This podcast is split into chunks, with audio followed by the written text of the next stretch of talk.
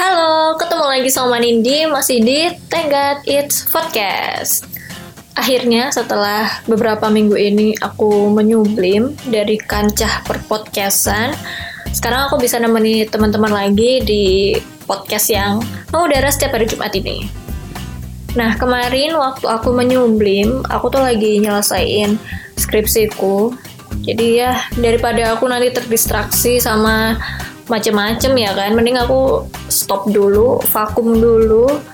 Kemudian aku ngelanjutin skripsi dan alhamdulillah sekarang aku tinggal nunggu wisuda aja.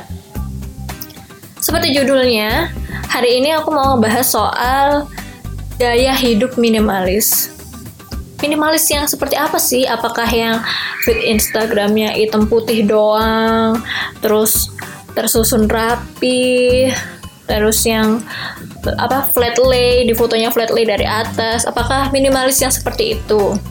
Hmm tentu bukan kisanak jadi minimalis yang aku maksud di sini adalah gaya hidup di mana kita tuh memang memakai dan membeli barang-barang yang hanya kita butuhkan. Aku sudah nerapin gaya hidup minimalis ini sejak awal tahun.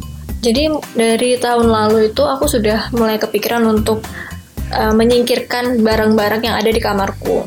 Karena waktu aku ngeliat kamarku tuh rasanya kayak sumpek banget gitu loh. Terlalu banyak barang di mana-mana. Waktu itu aku coba cari di internet gimana sih caranya ngusir barang-barang yang nggak aku perluin dan cara membedakannya gimana. Mana yang masih aku butuhin mana yang emang sudah saatnya disingkirkan dari dunia ini waktu aku search dan berseluncur di dunia maya aku nemu satu satu kutipan dari bukunya Fumio Sasaki yang judulnya Goodbye Things. Jadi Fumio Sasaki ini beliau adalah penulis buku Goodbye Things, The New Japanese Minimalism. Dia mengajarkan bahwa ada kebahagiaan ketika kita itu mempunyai barang-barang yang lebih sedikit Nah, menarik kan?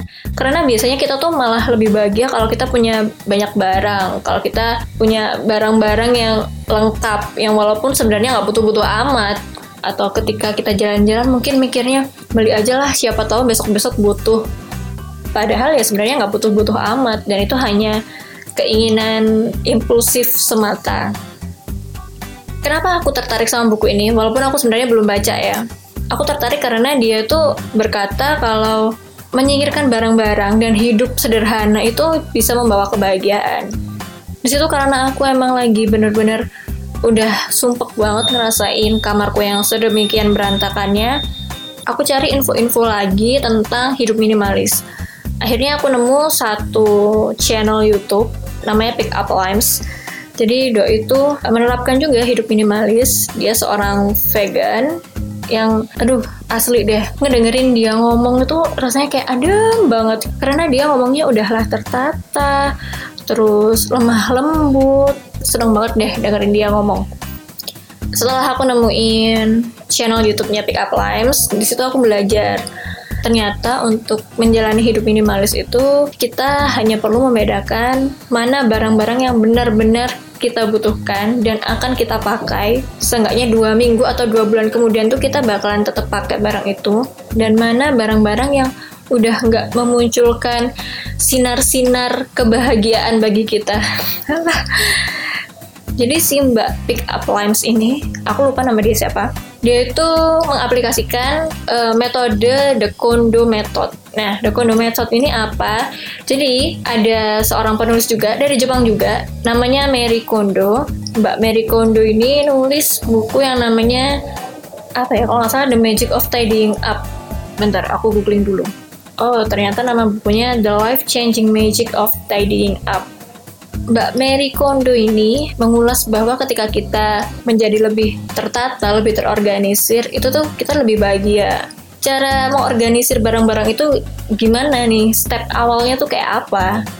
Itu tadi langkah pertamanya adalah dengan menyingkirkan barang-barang yang udah nggak sparks kebahagiaan yang ketika kamu pegang barang tuh kamu nggak ngerasa ada debar-debar kebahagiaan gitu Nah itu, jadi pisahin dulu mana barang-barang yang emang kamu butuhin, mana yang kamu pengenin, mana barang yang punya nilai sentimental, mana barang-barang yang pasti mengeluarkan debar-debar bahagia ketika kamu melihatnya, dan mana barang-barang yang memang sudah nggak akan kamu pakai lagi, sudah dua bulan ini nggak kamu pakai, nggak kamu sentuh, bahkan kamu lupa pernah punya barang itu.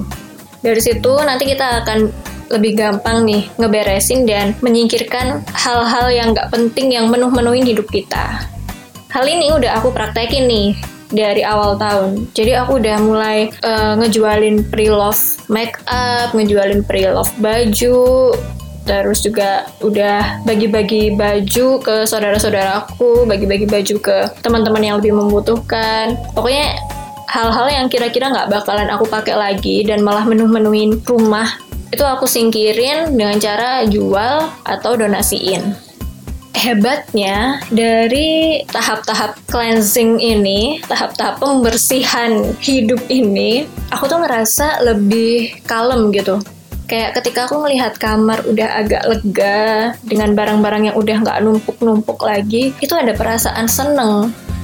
Ketika aku masuk kamar tuh rasanya kayak nggak nambah nambahin beban gitu loh. Ketika kita pulang sekolah atau pulang kerja itu kan yang paling pertama kali dituju tuh kamar toh. Nah ketika aku masuk kamar aku udah ngerasanya kayak ah ternyata gini ya rasanya kalem tuh stress free tuh kayak gini nih. Udah gitu, manfaat lain yang bisa aku dapat dari hidup minimalis ini adalah aku sekarang sudah lebih bisa membedakan mana yang namanya kebutuhan dan mana yang namanya keinginan.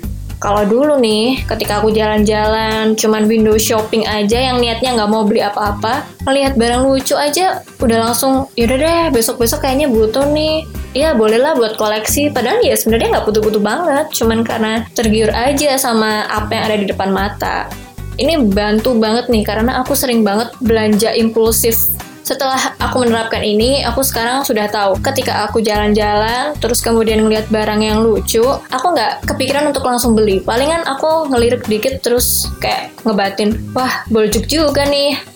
Tapi yang nggak dibeli karena aku udah mikir kalau misalkan nih uh, aku lagi ngelirik baju. Dalam pikiranku tuh aku udah langsung nyaut gitu kalau baju kayak gini udah ada di rumah. Dilihat dari warnanya, terus modelnya, Terus kira-kira bakalan aku pakai terus nggak? Terus kira-kira nih bakalan bisa di mix and match sama bajuku yang lain nggak? Kayak gitu-gitu. Terus kalau misalkan aku mulai tergiur sama barang-barang yang lucu tapi nggak fungsional, kayak misalkan tempat kacamata, aksesoris lucu-lucu, itu tuh aku bakalan mikir, tempat kacamata nih aku udah punya di rumah. Kalau aku beli juga buat apa? Toh aku udah ada satu. Kayak misalkan kemarin nih aku baru banget mau beli brush kuas kuas make up. Tapi aku mikir brush yang kayak gini nih aku udah punya dan fungsinya juga sama aja. Jadi buat apa aku beli lagi malah nambah-nambahin dan numpuk-numpukin brush yang sudah ada. Jadi aku belinya ganti ke barang lain yang mungkin lebih aku butuhkan dan pasti aku pakai. Aku bisa cerita ke kalian kalau hidup minimalis itu sumpah nyenengin banget calming banget dan bisa bikin kita lebih bahagia. Itu tuh betul apa kata Mbak Mary Kondo sama Fumio Sasaki. Jadi dengan podcast ini di episode kali ini aku mau mengencourage kalian semua yang mungkin masih demen hoarding atau numpuk-numpukin barang untuk yuk kita sama-sama cleansing, kita bersihkan hidup kita dari sampah-sampah yang nggak berguna, dari barang-barang yang malah nambahin beban pikiran, dan marilah kita hidup lebih sehat, lebih bahagia sehingga dengan hidup yang lebih bahagia kita juga akan terbebas dari yang namanya sifat iri hati, dengki, dan julid. Oke, okay, kayaknya segitu dulu aja untuk podcast episode 11, episode comeback kali ini. Makasih banyak buat kalian yang sudah dengerin sampai habis. Dan dengerin lagi setiap hari Jumat. Insya Allah aku akan terus update lagi, nggak akan molor-molor lagi, nggak akan nyublim lagi. Oke? Okay? Kalau gitu, Nindi sign out. Dadah!